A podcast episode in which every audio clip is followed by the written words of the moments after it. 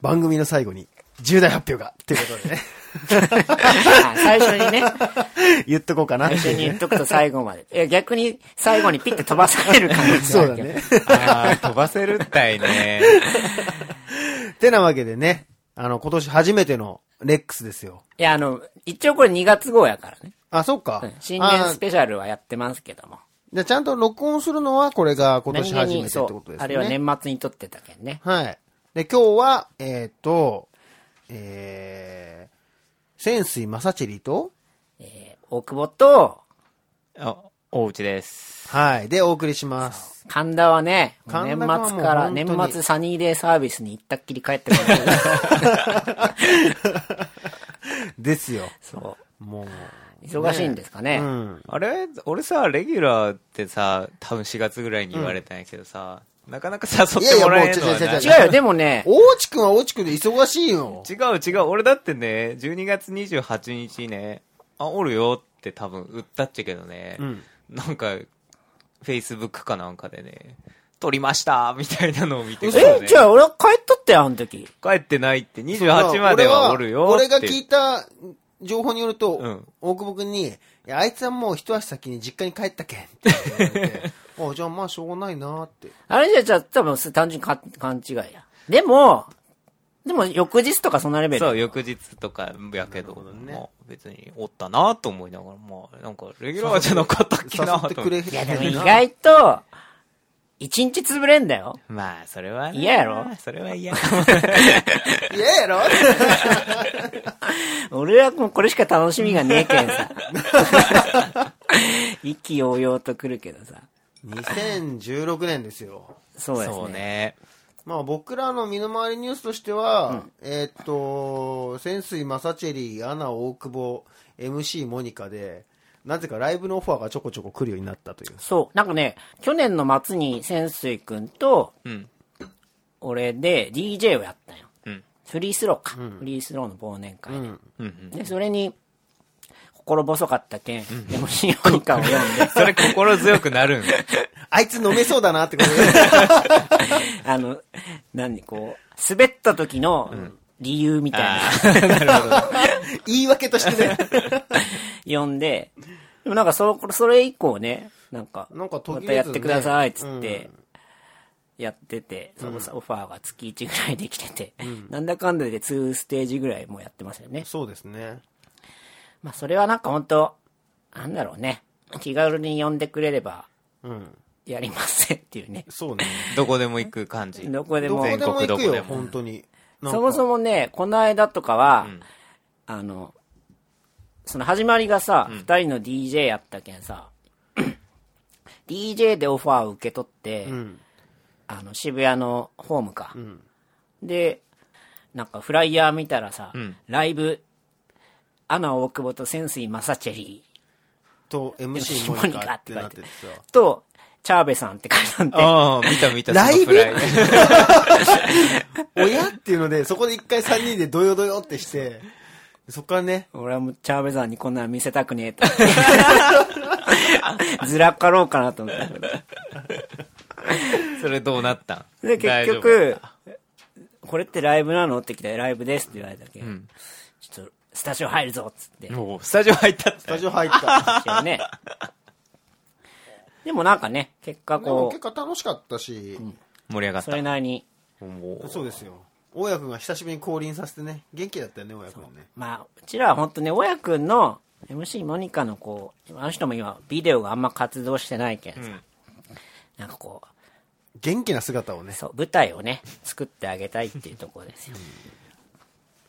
俺もちょっと立ってないけどね、まだ今年。参加する。もっと作って、どんどんもっと 俺も舞台作ってどんもどんら増う。やしていく。最終的に渋沢知らずみたいになったら笑うけどね。と、なんとかみたいな。 と、大内厚志と、みたいな。パノラマファミリーどう見て。どんどんどんどんね。そうね。なのでね、なんか別気軽に、あれ本当にね、僕あの、いい意味でリラックスでできるけん。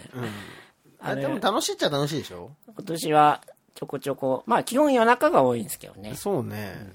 でもまあ今年はまああれで、なんかなんだろう。なんかさ、うんもうさ、自分たちが出ないとさ、人なかなか集まんないんだよね。みんなが。あほんほんなんだかんだ言って。うん。みんなやっぱ日常の忙しさとかでさ、なかなまかあね集まれなくなってるから、うん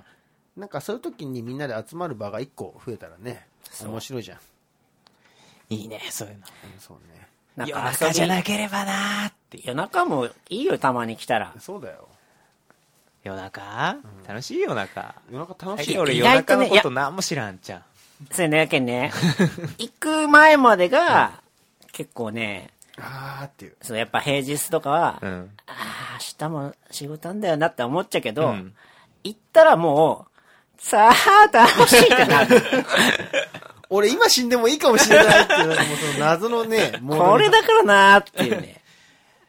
感じはあるよね。やっぱね、う生まれがそこやから。まあね。 20代に過ごしとった場所をね、やっぱね、30代にね、行くのはやっぱいいよね。そうだね。でもまあでもそんなわけで、でも2016年だけど、飛ばしてんね。いやー、飛ばしとよ、2016年は。 2016の飛ばし方やばいよね。さすがに俺もちょっと全ては把握しきれてないえ、かもみんなちょっと何は追ってんのベッキーは追ってるベッキーとか俺は多分この中で一番ショックを受けた人ですね。ベッキーに対してうん。大久保べき好きやとあ、そうなん俺だ。一時期だってね、思う。あの、タイプの女性はって言ったらベッキーって言ってたぐらい。うん。うん。あそうなんだ。なるほどね。あ一応ベッキーはちゃんと追ってる。追ってる。え、あとはスマップはスマップがね、俺ね、いまいちね、ベッキー、ベッキーにショックを受けすぎて、スマップをもう無視してた。あ、そうなんだ。もう失恋にも似 た。ベッキーへの。スマップ、なんかさ、あれはね、ちょっと早すぎたよね、なんか展開が。うんあれはあれで、うんあれさ、なんか、だからん俺のイメージやけど、そのベッキーぐらい、あのさ、次から次へと、なんかこう、一個これがあって、そっからさ、一週間さ、うんうんうんまあ寝かされてさ、お次のまた文春ですげえの来るぞって言って、うんうんうん。ドンっていうのやと、ほら、終えるけどさ、うんうんスマップさ、まずなんかが、あの、解散するかすぐも、み沈下たいになった沈下にとかかってころかくるらでし、どんどんどんどんほら、まあ一日単位でこう話が変わったけ、はいはいはい。ちょっと、まあなんか、もうそれどころじゃなかったから、なるほどだってね。スマップは別に、その、センスプ、うんセンスプ関係ないや ろま文春ね。 文春こと先生ね。関係あれ別にね、文春発信じゃないやろじゃないね。あれはた違うけど。スーパー玉出でしょ文春がやっぱ今年すごいみたいなね。文春の飛ばし方です。それこそね、だって清原とかも今年だったでしょ清原ももう全だって然もう最近大の悟の話だよ結婚とか全然なんかもうさ、もうどうでもいい小ネタみたいになってはいる。いや、俺そこの方がショックやったなマジなんでい結や構ショックではないけど、やっぱ北川結構綺麗やなって、改めてよく思う。最近街のポスターとか見結ると構北さ側はね。北川結構綺麗やな文春でもそれで言うとさ、あれでしょ少年 A 出したんでしょああ、最近ね。最近ね。先週がさ追っかけられない人やろ。 顔覚えたぞーって。 もうだってあの写真からね、場所も特定されたやろ。そうやね。ね足立区の他なんかなんでしょなんかそう。なんか都内とかに本当にいないでほしいおよっね。たんやとう。思うよね。怖いよね。2016年結構来てんね。いやもうほんとこのままやったら終わると思うよ。今年で。ね世の中。なんか、そんなにあいや、いやなんかそんでなもあれは何なんやろうね。何かしらがやっぱその、ね、よく言うのはやっぱほら、何かこう、政治的なことが動いとうのを隠すためにっていうとやん。か言うけどね。そのためにわざわざ、あれゲスの極みは、不倫したんいや、じゃなくて、そ の、り、あの、出したっていう。そういうネタがもうすごいいっぱいあって、その中で、その、要するに、後ろから隠すためにどれ出すかっていうのを常に探ってる感じってことでし ょ逆に言うと、じゃあ1月から、1日から、うん、出してくから、その間に、なんか、や、やってくださいよ、安倍さん、みたいな。変な話、TPP みたいなそうのをそう通しましょうよとみたか、そういうのをやっていくってことでしょじゃないかっていうのはね。まあ、信じるかね。信じない。 いやいや、じゃあゲスト待ってるので、じゃあとりあえずタイトルコール行きましょうか。はい。じゃあ、せーの。アナ大久保と、潜水マサチェリのレディオレックス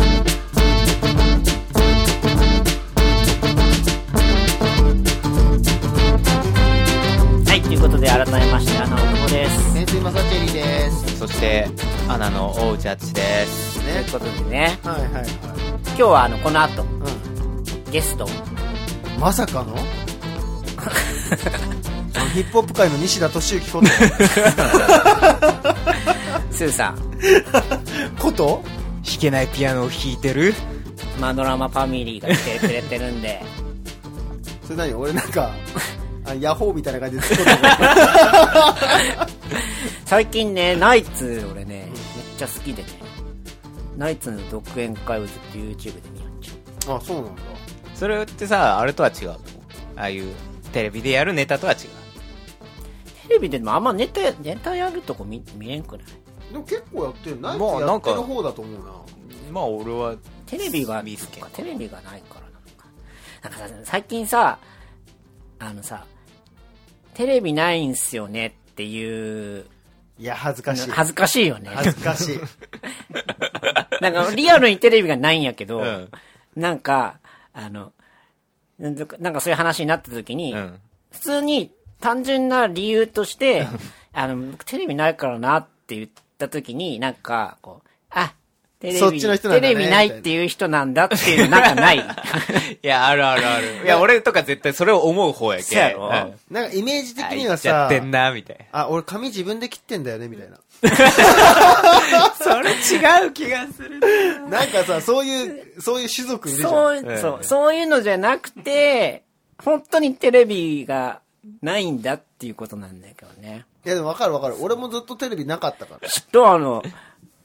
最近の若い子にね、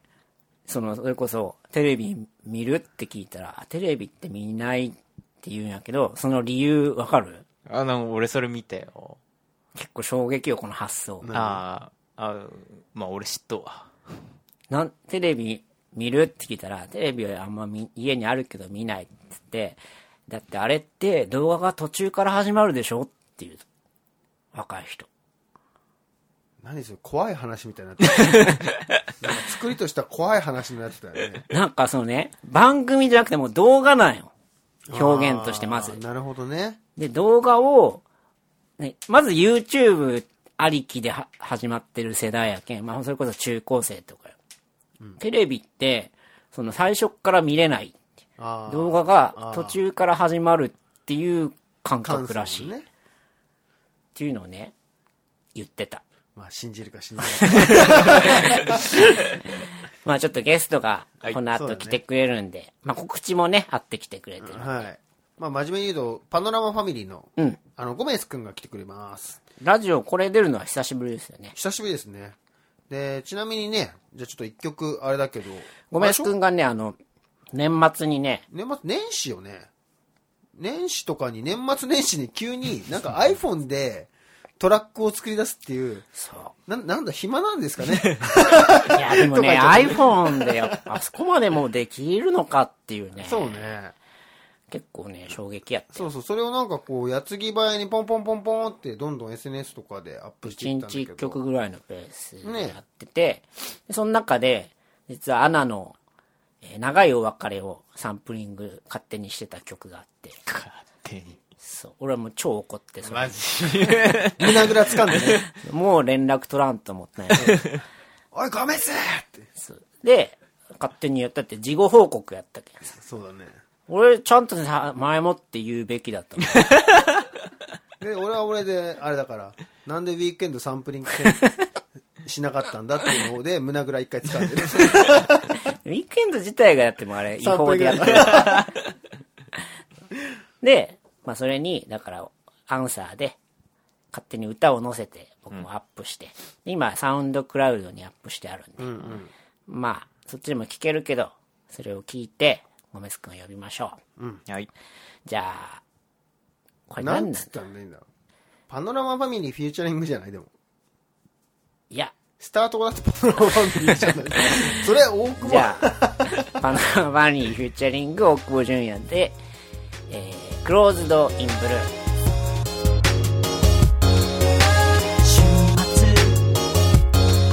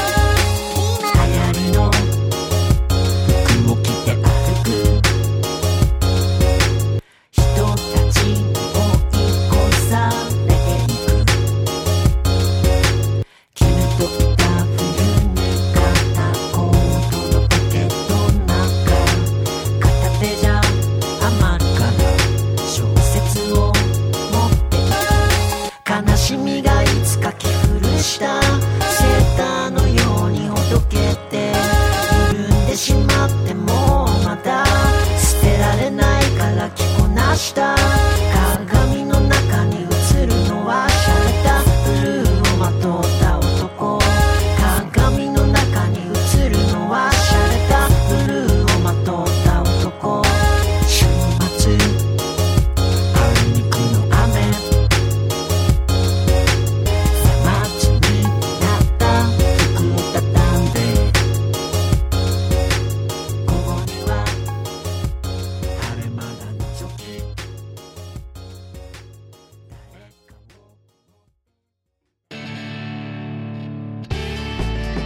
アナ大久保と先生正チのレディオレックス俺はレックス最近見ないでファックス心はマックスここでゲストをはい。ご紹介ですどうもーパノラマファミリーでーすご無沙汰してますいつぶりっけえーっとそれこそあのリリースの時以来っけライフノートリリースだいぶ前やねもう2年ぐらだいいぶ前そんなに前なのうん2014年とか13年ぐらい元気でしたか元気ですよちょこちょこあったらいるんだよねやまあちょこちょこあったんですよねそうなんならね、ごめちゃん一番レックス呼んでよって言ってくれるね。うんそうだよ俺がだってレックスってつけたとこあるからねジェネレーションレックスって俺発案ですそうだねジャジェネレーション X を実際聞いてたのは多分ごめちゃんだけだと思うジェネレーションレックスって言い出したのは俺ですからレックスのアイディアは大久保君が名言付いけ出した親、そうごめちゃんですよ。うんなんかね、うちらはね、出たいって言われると出さんっていうね。そう。あとなんか、いつも突然だからね、そうなんよ気づいたら終わってるそうもんなんだね。Facebook で後から、あ、やってたんだってね。ということで今日は、大内とごめちゃんがいるんでね、あの、先月号でうちらはやりましたけど、そうですねちょっともう2月ですけども、もう3月かな、ひょっとしたら、かもしれないですけど、去年のベストをね、 2015年のなんかこう、ベストね。うん、なんでもいいと思う。なんかそれこそ俺だったらドライブとかさ、ベスベストでかなんか聞いた聞いた、こうこうの間なんかそういう感じだから、なんでもいいでベすストコンテンツみたいよ。だって、大家君なんかグミとかだったもんね。いや、あれね、俺もう本当聞いててね、びっくりした。あこれ何言ってんのかってなって。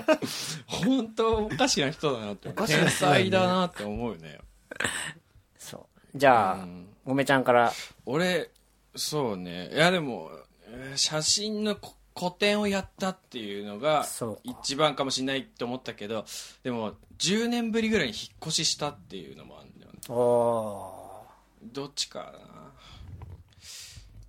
どっち、まあ、写真でいこうかな。広げにくいから。 引っ越しなんかさ、俺あんまちゃんと聞いたことなかった気もするんだけどさ、うん。なんでそもそもごめちゃん写真撮り始めたのなんか2000、それこそ13とか14とかぐらいよね。 14年だ、 4ね。年だよね。うんなんか突然なんかさ、そうね。すごい勢いで写真を撮り始めた気がするんだよね。そうそうあのまあなんかあのあちょっと暗い話でもあるけど、あの震災の時に親父が亡くなってであの14年ぐらいからこう家にこう頻繁に帰るようになったの、あの休みができたら帰るってやってて、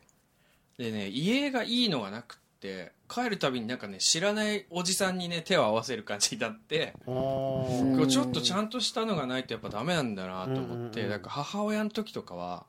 あった方がいいなと思ってで撮ろうと思ったんだけどじゃあ上手に撮れないとダメかなぐらいに思ってしばらくそのままでー。うんうんうん。であのね目黒のね あの学芸大学の近くにもうなくなっちゃったラーメン屋なんだけど、うんななんとか屋っていうこう家系ラーメンのうん。があって家系ラーメン食べたいなと思ってそこ行ったのそしたらなんかねそれお腹いっぱいだなと思ってそれ出るとベンチがあるのねそこは、うんでベンチ座ってたらそのベンチの真向かいぐらいにカメラ屋があったうーん中古カメラ屋さんへがえ散歩カメラとかっていうんだけどであそういえばカメラやってみたいと思ってたんだよなと思ってその家撮りたいから、うんでいやでもいくらぐらいすんのかなと思って金も持ってなかったから飯食ったししかもねキャベツもやし増しにしたの だからもう金もちょっとあんまないしこの後ちょっとコーヒーも飲んで帰りたいなと思ってたからなるほどねうしようかなと思ってチラッと見たら300円で売ってたのカメラああ。でフィルムのカメラだったんだけど、これだったらマシ分で買えるそうぜそうみたそいうなそう300円ならいいじゃんってもうふざけて買ってみようと思ってで撮り始めてで撮ってたらなんかもうだんだん楽しくなってきて、で家はもうどうでもよくなってきて、なるほどねでもなんかさ実際さ写真撮り始めたらさうん、それこそそういうさなんかその家とかじゃなくてさ、んなんかもうほんといろんなとこ撮り始めちゃったじそうねだから家族が近くにいないから、ゃん、うんとりあえずその人物を撮ろうと思って家だからうんうんうんで撮ろうと思って、まあ、ライブに行けば必ず人いるからライブとか自分の出たパーティーとか遊び行ったパーティーの人をとりあえずひたすら撮ってで、まあ、せっかくだからアップしていこうかなと思ってなるほどねそうそうタンブラーにアップしてなんかさ俺なんかこうこんな聞きたくて聞いちゃう感じなんだけど、うんその自分でも好きな写真家さんが何人かいたりはするんだけどいまだに写真の良さってあんまり分かんなくてあーなんかどういう写真がいいとか言われた言われた時になんかあんまりよく分かってない自分がいいんだけどごめんちゃんの中でなんかそうそういうのってなんかあんの好きな写真家とかおる だからこれね写真になんて1ミリも興味なく育ってきたからほぼぼほぼ写ってもなかったし撮られるのも嫌だったから、まあ、ライブの写真とかは別だけど、だから全然知らなくて人に会うたびにこうカメラやってる人とかに写真家ってどういうのが人気なのとか有名な人って教えてっつって聞い見たんだけどもうね全然わけわかんなくてなんでこの人裸でこんなポーズ撮ってんだろうなみたいなのが多くてでわかんないからとりあえず会う人会う人に写真やってんだけどさって写真好きな写真家いるって言うと大体いるんだよ写真やってる人ってみんなはだからそれを一個ずつこう iPhone にメモして30人ぐらいになってからあのね今ちょっと閉鎖中なんだけど改装で恵比寿のあの駅前にね写真美術館っていうのがあるんだけど、うんうんそれの一番上の階に写真図書館っていうのがあうるの、んで現存する写真は基本的に全部あるのねうんうんでそこで一個ずつそれを見て貸してくれるから全部見てたうん1日かけてでもう全然分かんなかった良さが ってことそうそうだって俺家取ろうと思ってんだからそれで例えば誰がいたのその、それって。えー、えっとヒロミックスああ。でヒロミックスとかも全然知らないから、んなんかあのいるっていうのは知ってたけど、名前はねでしょあと、えー鈴木利作って人とかあと森山大道でしょあーなんかそれはちょっと知ってる。最近ブルータスで特集特集してたねそうでそういうのあと誰だっけなさ、さないさんとか。出さない正文さんとかね、俺藤井保さんとかは好きだったんですよ日本もう俺知らないもん全然そ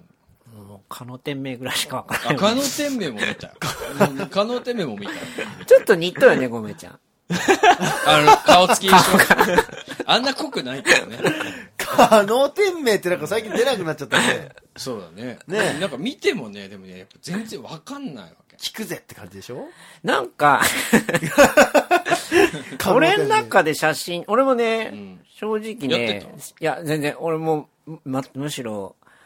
うちらの世代ってさ、うん高校の頃とかにさ、うね、映るんですとかをみんな、結構持ってたやん。とあのか、遠足とかの時ね映るんですもう結構使い捨てをみんな持って、写真を撮ること自体は、うん結構そのまあ女子高生ブームとかでさ、あプリクラとかねプリクラとか、チェキとか。流行っとったけど、全く撮ってなかった。そうね俺も全くねでも取り出してそんで見ても全然わかんないじゃん、でなんでみんなこれいいって言うんだろうなって思いながら撮ったんだずっと撮っててでそれと並行してあの古本屋とか近所の古本屋で写真集コーナーとかこう毎日のように立ち読みしててうんでもわかんないってずっとやってたんだけど、なんとなくあの荒木とか、ま、見出したらおこれすごいかもみたいなのがなんとなく分かってきてはそうでヒップホップの写真集とか見てあ、うんうんでもそんな感じで写真を始めてうんで何写真展を去年やりそうそうやってたらなんか思いのほかいろんな人から多分そよかっのたもん写真をやってた人たちとかがなんかこれ懐かしいみたいな感じで多分言う言ってくれていや潜水家にも一枚だってあれですよ買っていただいてそうですああのりがとうございますのぶちゃんの写真が今そこに飾ってあありるますからねここにあるねなんかピュアやけんいいのかもね。何も考えてないからだよ、ん本当に何も考えてないそうそうそうそのなんか変にだってそれをさこの変な話食いぶちにしようとかさうわあんまりそういう意識もない全じゃな然いかんないないないもう楽しい今日楽しかった思い出を今日撮るっていうさそうそうそなんかそういう感じでしょううんだから一切何も考えないでとりあえずと持ち歩いて撮る相性もパーコのノリでしょあそうそうそ うそうでもあれが一番多分近い、まあでもそうだよねあの林家ペーうんみたいなちなみにでもその俺はさその写真展とかやったことないからさうん、なんかこうどんどうだったのやってみてめちゃくちゃ大変ああ大変の方がやっぱ大り変パッて思い出されるって感うじ、ん寝れないしえだってさずっといなきゃいけないずしっといないいや普通はずっといないんだけど俺ででも分かんないかとはらいえさいた方がいいじゃん知り合い来るし、でも結局知り合いの人が来てくれるって思ったらさずっといないいなといってと思ねうよねそうそうでももめちゃんの2015のまあ一番良かったこととまか、あベストそうだね写真写真展をやれたってことですやねらせてもらったって感じだね、今年はやんの今年はやるのはまだきあやるやるかなやろう。たやろうだあの古典じゃないと思うあの 俺ほんと全然すぐ脱ぐから前衛 前衛のや白塗りのもやうつここ3人すぐ脱ぐ から丸赤言っ字てみくたいれるな。 俺一回肛門をね、インスタグラムで撮ったことある。なんでうん字になっ気にてなるって。えインスタグラムに上げたの開けてな い、開けてない。撮ってみたら、どうやっまあた上げても消されるだろうけどね結構良かったおしゃれな感じ。聞くって感じシティボーイ感ということでねじ。ゃあ、今年もごめちゃんの写真展を楽しみに。おい今年はみんな行こうね。またそんなわけで2016も期待でございますということおで。願いし ますじゃあ次。一方、はい。一方やそろの頃、一方その頃 ねほらも大う内ね淳は2015年、うんこっちのおじちゃんはダメやったかもしれんね2015年ダメとかないばい。何いやがだ良かからったのごめちゃんの話聞きよったらさかっこよかろうがちゃちゃもうなんかいやいや、違こうそんなことない。だって一方で、だって、ボーカルは探偵ナイトスクープやけど、お 前探偵ナイトスクー車ドライブが良かったそう、ドライブが良かったとか、大家君なんかグミがうまかったって話しかしてなもいうのそれだって真剣に考えてないやろもいやでも、大家君は結構真剣に考えてグミだった。プ。俺も結構真剣に考えての、うでも探偵まあ確かにお前俺そもの探話偵ナ聞イきよっトスクたなープ見るからねわかるすごいえっとねベビーメタルですあー、これはね、これでもちょこちょこ聞いてはいずたっもんとね。言ってるもんいね。やもうまあ一昨年ぐらいかあメタルをやるアイドルみたいなそうそうアイドルよアイドルアイドルなんなのその、アイドル的な要素が好きなのうんうんそこも好きだって別に、まあアナのアイドル担当ではあるでしょ おお遅咲き遅咲きの ねベイビアナのアイドル担ーメタル以外、なんかアイドルを追っててベイビーメタルにハマったわけじゃないもんあね、違う違う違う突然やもん。当それがもう突突然然おおこれはいいぞそうだかそうらそう一そうアーティストとしてみたいな感じ。はもちろんそういうつもりやけどかといってさなんか「いやアイドルじゃないよ」とか言うのもっていさう感じでもないいや恥ずかしいやんなん かアイドルはせ周りから見りゃ多分アイアイドドルルにだかしからね見えんそうかけそうん全然アイドルなんじゃないな、何にハマったの最初は。楽曲うん最初楽曲単純にうんあのねじゃあツタヤでなんかちっちゃいモニターあるの分かる、はいはいなんかうん宣伝用の、うんあれですっげえ行くたびに流れよう曲があってちょちょちょちょ、これ。それそれそれ、ギミチョコって曲なんやけど知らん、で、それまず最初聞いて、ああ、またこういうアイドルおるんやなぐらいしか思ってなくて、でも行くたびにそれを聞くと、どんどん気になってきて、YouTube で見たら、ハマったっあてやーでもいいハマり方だねで、その YouTube で見たのは、そのライブとか PV とか、その、いろいろ含めてハマったって感つ。PV やね、最初。演そ奏の、ギはミチするョコのの。演奏するじゃなくて踊る踊る踊りながら歌うやけど。でもライブまあは生演生演奏。奏そうそうでそうじゃあすごそうだねヘビメタみたいな感じもう本に当に多分、全然ちゃんとしてるよ。そういう。じ。なんかさ、その、うーんと、なんか、アイドルってさ、いろんな好きになり方がきっとあると思うんだけどさ、その、マーケティング的な手法としてさ、うん面白いとかさ、うんなんか、そこ行ったかみたいなさ、うんうんうん楽しさとかも多分あると思うんだよ。そのなんか、あ、誰もやってない、そこやったか、みたいなのとかさ、その、で、プラスアルファでルックスとかもあったりとかもすると思うけどさ、うんどれがポイントだったの単純な楽曲の良さ。プラスアルファでその、曲じゃないやっぱ。こんなん、すげえなと思ったよ。まあ、可愛いっていうのはあるけどね。あ可愛くないと見てないっていうのはある。多ー分。なるたまたま見て、可愛いって思う。最初はそれかな。曲が気になって、ビデオ見たら可愛いなって。まあ可愛いっつってももう大概子供やけん、その、ーまあね、そでもの、ねその娘を見る気分の可愛いなってやけどあーねなる。ほどね。うんおうちの多分基準は、エンタメ性やんね、やっぱ。そうやね。う多分。ん。単純に、ショーとして、面白いかとか、そうそう、そのビデオもね、結構後ろ側のセットがさ、マリア像みたいなのがあるわけよ。へえ。で、まあ、その時は全然知らんやったけど、まあ、ね、ステージ上がまずしっかりこう作られと、いわゆるさ、なんかああいうアイドルとかがやるような別になんか無機質な感じでもない、わやわやなんかこう可愛く飾り付けられととかじゃなくて、もう完全にそのメタルの世界をね、ブルータルなこう、世お前界を観が。老人形にしてやろうかみたいな。旧約聖書みたいな ね。ちゃんと世界観がね作られとって、やけん多分まあ気気になったんやと思うっちゃけど、ああ、なるほどね。あれが多分綺麗にこう可愛らしくポップにされとったら多分そこまではまあ見そのてギなャいなップがいいのかじゃあまあ若干その、まあさ、年も年だからっていうのもあるけど、若干そのマーケティング的な要素も少し考えては自然にいるかもしれないけど、うん基本は楽曲でピンときたってことか。そうやね。曲やね。あれはあれよ。マッドカプセルマーケッツの。あ今 AA 今。やるよと。ええ、そうなんだそうなんやどの人カプセルのその、どの人がやってるのあれはどの人になるんかな。トラックとかも作った人でしょそうそギそうれターが系メインのプロデューサー。違う違う、プロデューサーじゃない。そのギミチョコっていう、あその曲スパンといったやつそうが、なんだ。へえ、あ、あれでしそょうチなんョやコレート、チョコそうレそうそうそうートってやつでしょち知ょらないなちょっといいか。なって。上田さんだ。上田武史。はあ、はいはいはい。へえ、あ、そうなんや。ハットカプセルマーケッツってかっこいいね。それがそういうのやってるってのはかっこいいね。へえ。いや、アイドルね。最近のアイドルはね、でもやっぱその、俺らが好きやった世代の人人がたちがようやってプるもロんデュースしてるもんね、アイドルのこと一切わかんないけどやってみたいよねアイドルここに、あやってもね未来先生のがそうですプロデューサーがいるよ。アイドル。センス EP でしょセンスリリースク EP もね、リリースクメジャー行きましたよね、今年。そうね、ちセゃンんスと、 EP のやってたリリースクがリリメスジクャーが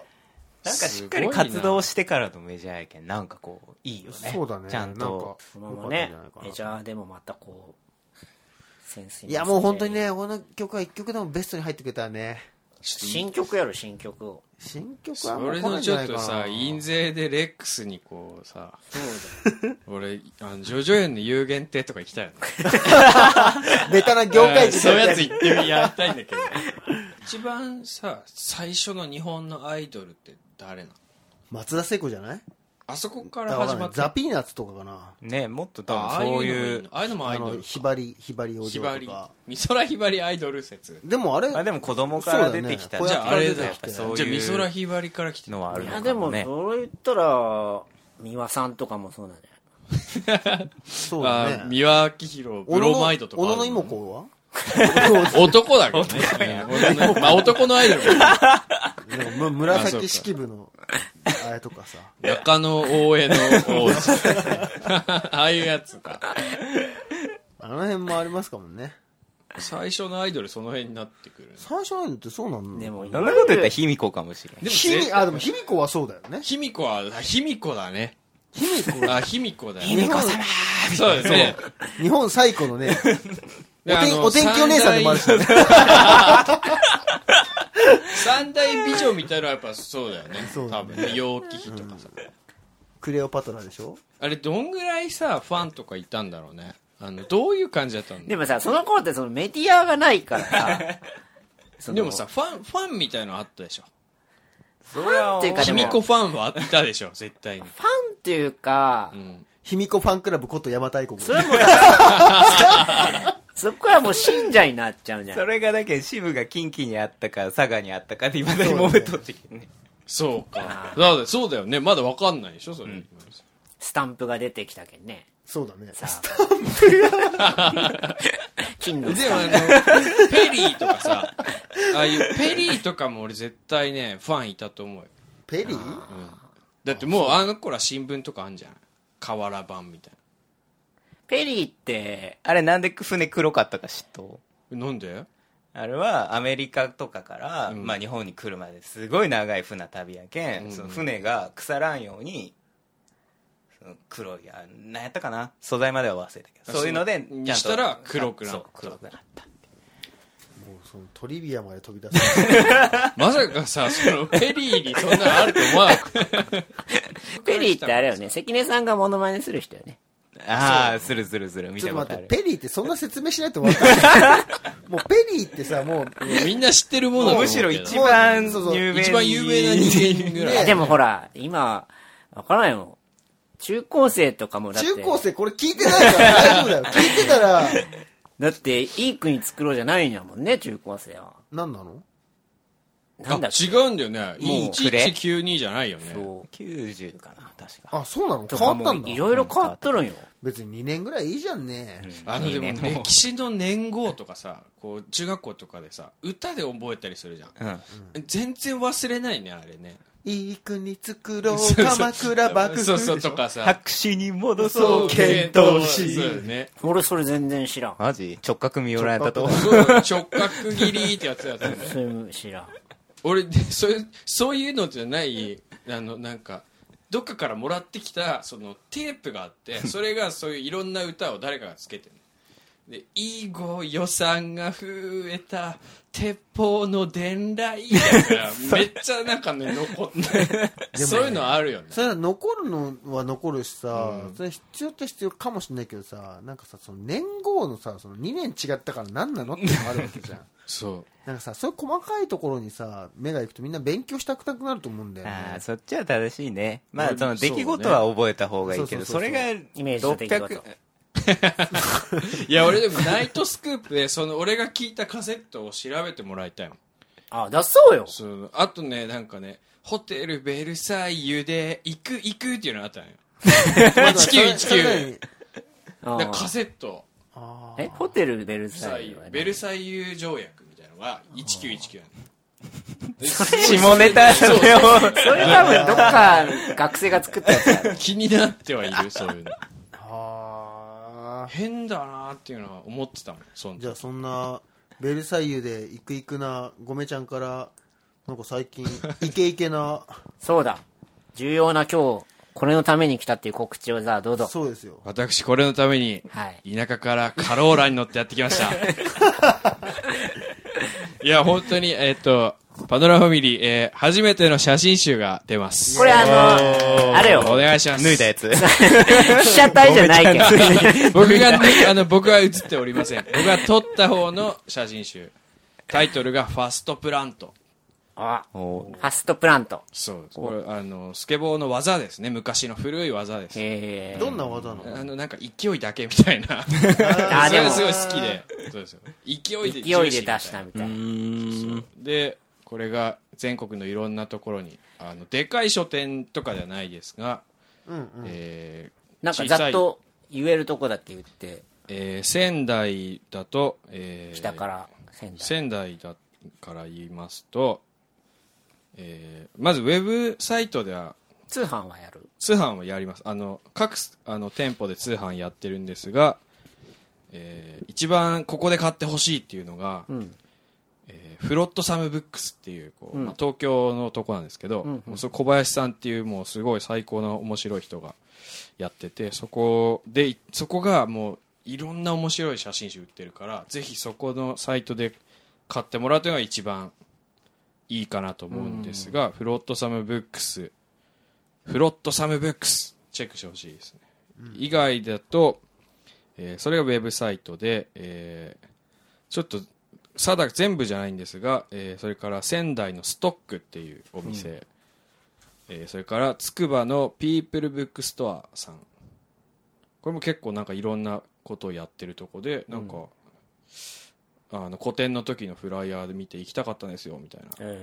で東京だと都立大学のテルメギャラリーっていうとことかあと友達の「I Hate Smoke」っていうレーベルやってる大沢くんのライブの物販でいろんなとこ回るみたいですうん。それから東京の代田橋新代田あたりにあるコミューンギャラリーです、えーそれから蔦屋代官山 T サイトってやつですね蔦屋代官山、えーそれから長野のアンテナ、えー名古屋のオンリーディングお一番えー俺注あ目してとはちょっと確定してないのがちょこちょこあってえ最新情報はじゃあ、さらに増えますウェーそうだねブサイトの方にも。うん。完全に増えますあとはセカンドロイヤルショップにもおお置いてもらうと置いてくれるって。そうそうこれは44ページフルカラーはい。 44ページか。で1400円ぐらいなはずです、安いかねなり安いです安いね写真集にしては、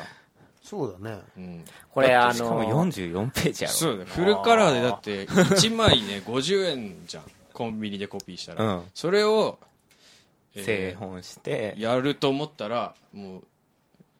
うもっとそかれだかけるでね2000円だもんいね。っちゃうからそうそう 40×。でそれよりももっとさらに紙質はいいです印刷もコピーよりはちゃんと外に出しました僕もどっかに写ってるんで、大久保君映ってますね大久保どれが大久保君かなって思って見ても らうその僕を後探せみたいな。あのこ裏表紙か PV な P 今デモ版があるからデモ版。 PV もね見たらね大久保君のあの必要になったらじゃなくてなんだっけあれはハイライハトイラハイライトかねの日に撮影した、した写真も入ってるね入ってますんで。いろんな写あの真日のが、思い出ですよ。うん、これ結構ね、嬉しいっちゃ。これいい感じです、のでぜひ皆様まずフロットサムブックスをチェックしつつ、地元の方は地元のお店で買ってもらえるのが一番嬉しいですねなんでもいいっすよね。これ、でもみんな、今これ見た方がいいと思う。写真。写真集を買うっていう、まず行為をね、なんか、そうそう写真ねやっぱお見るのねいいんですよ、あの暇のなせる技って感じだよね。そうそう興味がなかった時は何も思わなかったけどやっぱいっぱい見てるとなんか音楽と一緒で自分の好みみたいなのが出てきてそうそうでなんか今までなんだこれって思ってたのとかこうふとした時にあすごいいいと思ったりするから、結構いいあのうんなんか覚えてる写真とかありますもんね。そうそう結構ね。あとなんかこう日本だとねそこまでこう浸透してないけどあのねちっちゃい写真立てにこう棚に置いて飾るみたいなのが多分日本の主流の写真の置き方だけど、うん。なんかこうポスターみたいな感じで壁に海外とかだとガンガンあの額に入れて貼るみたいなのがうんうんうん。普通にある、うんでそういうのやってみると結構楽しいあの豊かな気持ちになったりならなかった りまあなるかどうかはあなた次ま第あです実際俺、ごめちゃんの写真飾ってるけど、そうだなんねか飾優っていた雅だでいすてよ。割とふ。とした時にねとしたセンス君が買ふってとくしたれ瞬間にね。そうふとした瞬間にーやね。でもセンス君が買ってくれた写真はすごいいいいいですよねあれあれ僕すっごい好きですよ。あのケーキを使って「トゥナイト」って書こうとしてたらしいけどスペルが間違ってんだよねそれすごい可愛いないない、グッドにし、に NIGHT にしなきゃいけないのに、NIHG、 読めない間違っていっちゃっうててそうそうわかる。俺そもれ未がだに間違うもん。それがいいうん、なんかでも、なんか変な話、毎日暮らしてる中で、たまに見て、こういうスペル間違ってんだよなって思ってる出てるなっていうのいいよと、結構なんか楽しい気持ちになる。そうそういや、だから写真集おすすめですよ。ぜひいや貼ってほしいですねおめちゃんの写真ね、全く見たことないって人は、タンブラーだねねあれパはノラマファミリー P フォトってあの PFOT でタンブラーで検索した検ら索者出る。それで結構ね、頻繁に上げてるから。しょっちゅうライこっちブにはのたまにね、俺とかも映出ったりてるやつうんが大出久た保り君が出とてか。たり今だとちょうどモニカ君が出てま出すてるねねあ。つるっぱげになってるやつね。のモニカ君でハッシュタグにファニーフェイスとかファニーヘアってなってます寺島進むみたいな髪型になってるやつです そね。れは外人がいいねってつけてき たそうでタンブラーやってる人はぜひフォローしてもらいたいですねうん。うん海外の人の方が圧倒的にフォロワーが多いんでいやいや、皆さんこれぜひ買ぜってください。ひチェックしてください今東京ではあの本当にこれから来るフォトグラファーっていうね噂されてま噂すされてます、うん、なんか着々とそうだね両方同じように楽しんでやってますんでまあ俺は漏れなく一生取ってもらおうかなって思ってます、アーシャ撮ってほしいみたいな人はぜひ連絡をくれたらあの 撮ります、撮ります、撮ります って。うん、撮ります撮ります それいいよあーそれ俺なんかふなんか決めフレーズにしようかな、あなたの アーちょっシとャ気軽すぎるけど。 あなたのアーシャ撮ります撮りますなんか地方の CM みたいな 写真かカメラのなんとか、ああなたの写真撮ります、撮ります。家族の記念日撮ります撮ります ロバートのやつ。ロバートのネタだよね。いや、でもその、俺、フロットサムブックスがめっちゃやばいっていうのをすごいみんなに伝えたいんですよ。えそこは実店 舗実店舗はなくて、今ないんだオンラインのみでやってんだけーど、写真だけじゃないよねアートブアーットクブみッたいクなみたいなのがあって、でもただ写真もアートブックもめっちゃ面白いし、まあ安い、普通のところで、あの、すごい数あるし、あのね、フェイスブックがあるんですけど、お店の。フェイスブックをその、オーナーの小林さんって人がやってて、Facebook のね、たまに更新されるんだけど、その基本的にはこの写真集いいですよとか、そういうのがあるんだけど、なんかちょいちょいね、1週間に1回ぐらい、ものすごい長文のどうでもいいあの話が載るの。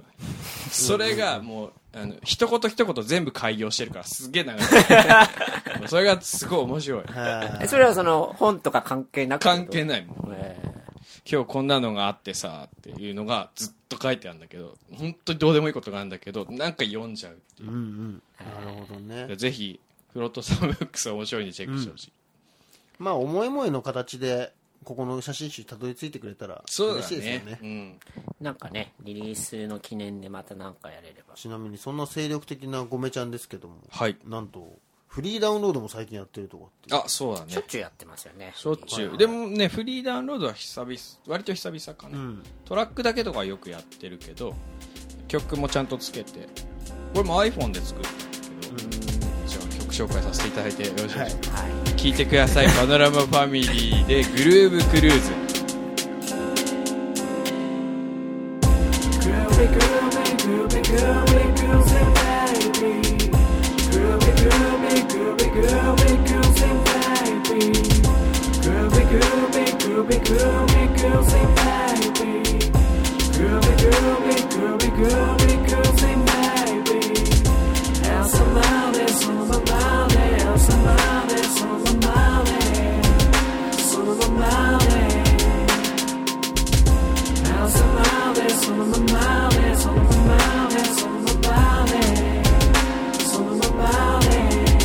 いや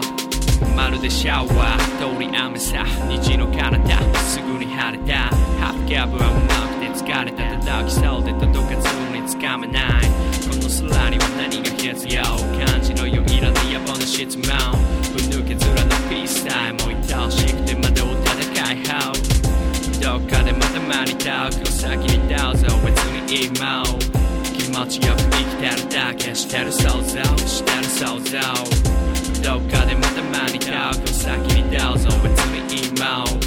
気持ちよく生きてるだけしてる想像してる想像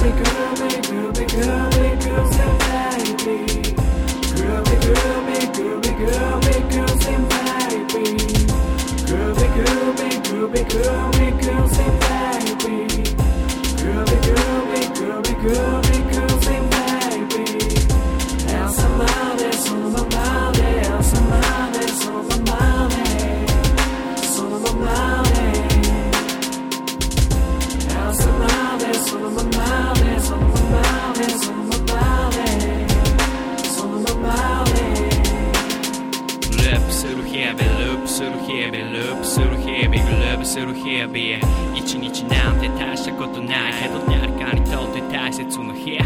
心が曇れば何も見えない批判ばっか E じゃなく EMI ピストルズより勝手に仕上がれこだわりよりも勝手に側に気をつけろなんてウィークエンドになれどうでもいいよな女は女であるなんてウィークエンドになれどうでもいいよな世の中は常に変わって時代は繰り返してまた踊らされる気持ちよく生きてるだけしてる想像してる想像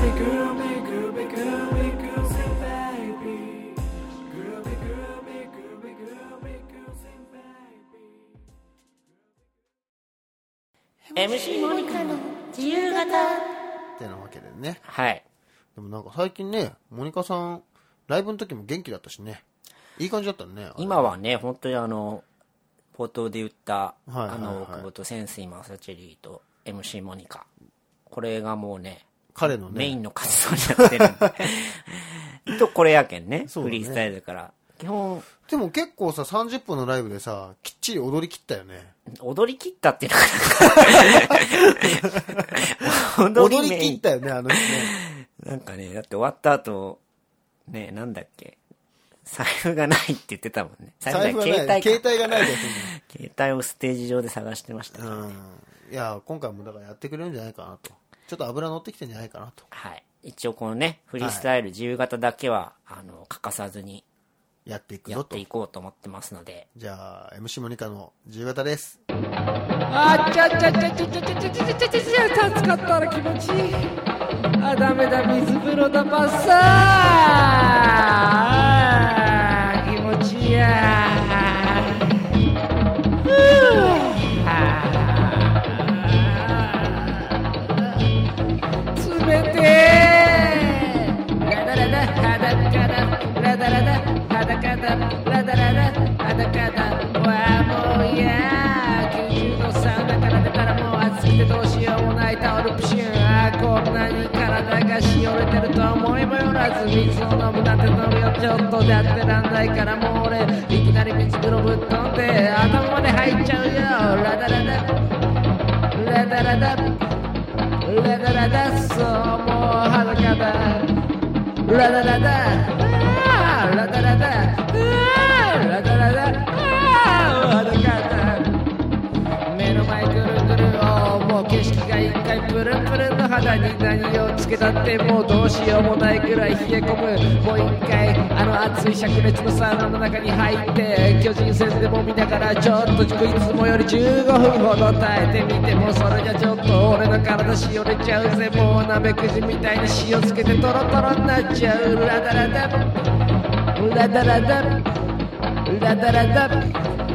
裸だうわーラダラダうわーラダラダうえーラダラダああもう気持ち裸だいやー何度までいけるのかこれ人間の体はどこまでいけるんだエジプト砂漠の中だともっと灼熱でもう熱くなっちゃうのかこんなにとろけてるとは思わずにもうもう一回やみつきだぜもう一回行こう、うん、冷えたからサウナはい、ということで、えー、2月分、お送りしてまいりましたけども、レディオレックス2月といえばですよ。はいはいはい。何ですか猫の日とかじゃないのにゃんにゃんにゃんね。盛り上がっとったね、今年も。ねにゃんにゃんににゃん。ゃにゃにゃそうの猫のミックスって言われてますからね。アベノミックスより2経月と済いえ効ば果があ出恵る。方巻きああ、あったね。あれもう一は個あるでしょ俺恵方巻き2とね月2日ヘビが使い座だけは俺まだ許してないあとね、ね、ヘビ使い座だけは俺まだ許して ないそれはね、結構な人が許してないと思う。 2月2日がね、ツインテールの日なんだって。へえななんなか結構こう22で女の子の芸能人とかがツインテールのあの写真をタンブラーとかにアップしたりとかさ、へーインスタにアップしたりとかなるほしたどらねしいですよ。もうちょっと後、もうちょっと後。あ、俺そういえば、この間富士山見てきたよ。ああ、それすごいね。富士山の日やけ。けんね。あ2月そうでだすか2月23あー日。それ行山き過ぎやな。多分ね、確かね、大家君の誕生日が2月だった気がするんだよねああウルー年じゃないあ、今年ウルード。大久保純也誕生日がえ え 2, が2月10日、ニートの日に生まれた大久保純也ですけあど、ね。ニートの日なの2月10日そう、 2日月本初のニートですよ、僕は。日本初のニー ト大久保純ニー也トの星アナにのニート担当生まれた大久保純也、2月10日に、えー、33、四歳4歳。ちなみに今年の抱負は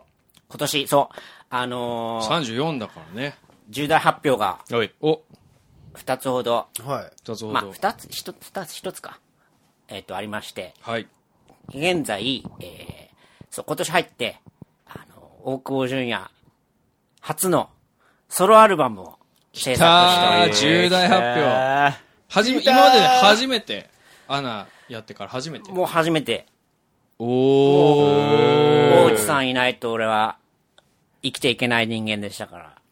ー やっと俺から巣立ってくれて。そう。アナの、あれでしょアの方が。大久保北京っていう名前で出すんで しょでもそれね、実際ね、リアルに迷っとっちゃうんで。なんでリアルガチでなんそんな。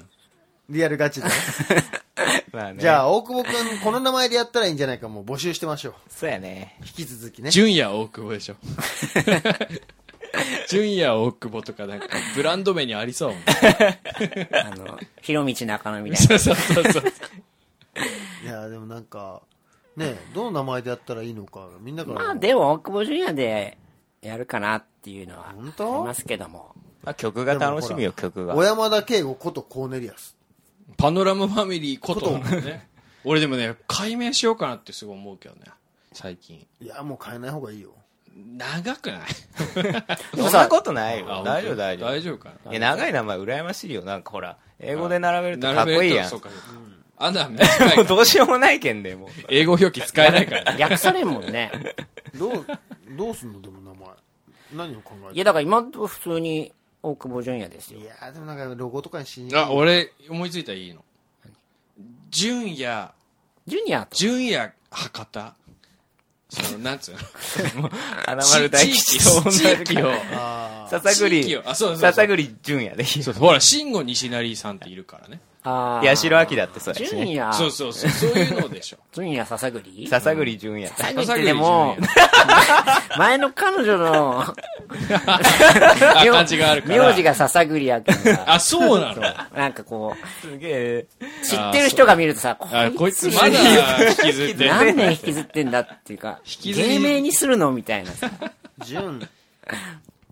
うーん、なんかでもいい名前あんじゃないですか ね。まあでも意味、そう変えるんでやっぱ北京かなっていう気がなんで北京なのいや、それはもう本当中学の頃にやってたノイズあ共ノイ同ズ体共同体の時はの名前が大久保北京。大内お豆やったから。おじお前めで、そのまあ、北京でリリースしたら、なんか結構感慨深いものはある、自分では。ああの、あ中学のノリの時のが、ちゃんと作品になったんだっていう。ノイズ でねいや、でそうもやなっんたか、みんなに名前募集するあ。のいいん募じゃな集いしようよ。ハッシュタグ、大久保純也ソロのユニット名。ちなみに、潜水マサチェリーは、昔ウィーケンドでやってたラジオで決まりましたからね。あ、そうなん。んそれまで俺 MC 福山雅てるだった から。そっち、そっちいいね。オッケー、じゃあ、ハッシュタグ、大久保解明。何にすればいいのそれ。解明とは違う違うねね。ハッシュタグ、大久保、大久大久保っていいね保ソロネーム。大久保大久保。大久保ソロネーム。ハッシュタグ、大久保ソロネーム。どうですか、これ。募集した方がいいんじゃない大久保漢字で、うんカタカナでソロネーそう、ソロネーム。ム。で、じゃあ、僕のソロ活動の名義を募集しよ募集しましょ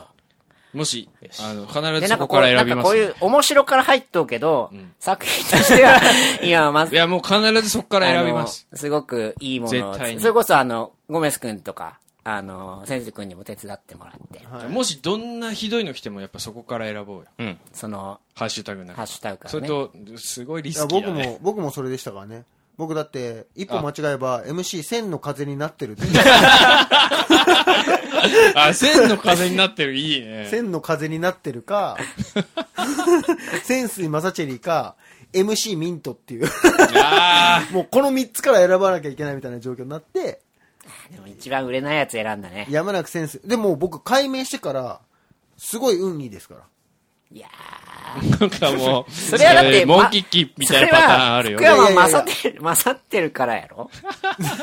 福山雅てるは確かにダメだよねい。や、でも、これが、あのーそのうちこのレックスでもやりたいんですけども、んあのー最近本当に、彼もソロアルバムを作ってるんですが、小島慶太にラブ君うん。まあ多分もともとは慶太、慶太くんなんですけど、小島慶太くんなんですけど、慶太にラブって名乗ってから、レーベルが決まり、うん。へえどんどんこう、コートに選ぶみたいなそうそうそうことあの、すごいいいところと繋がれたりとか、とてやっもぱ運そがの良くイなンったパクトあるもんねそうで確すかにやっぱ小島慶太に名前によラっブて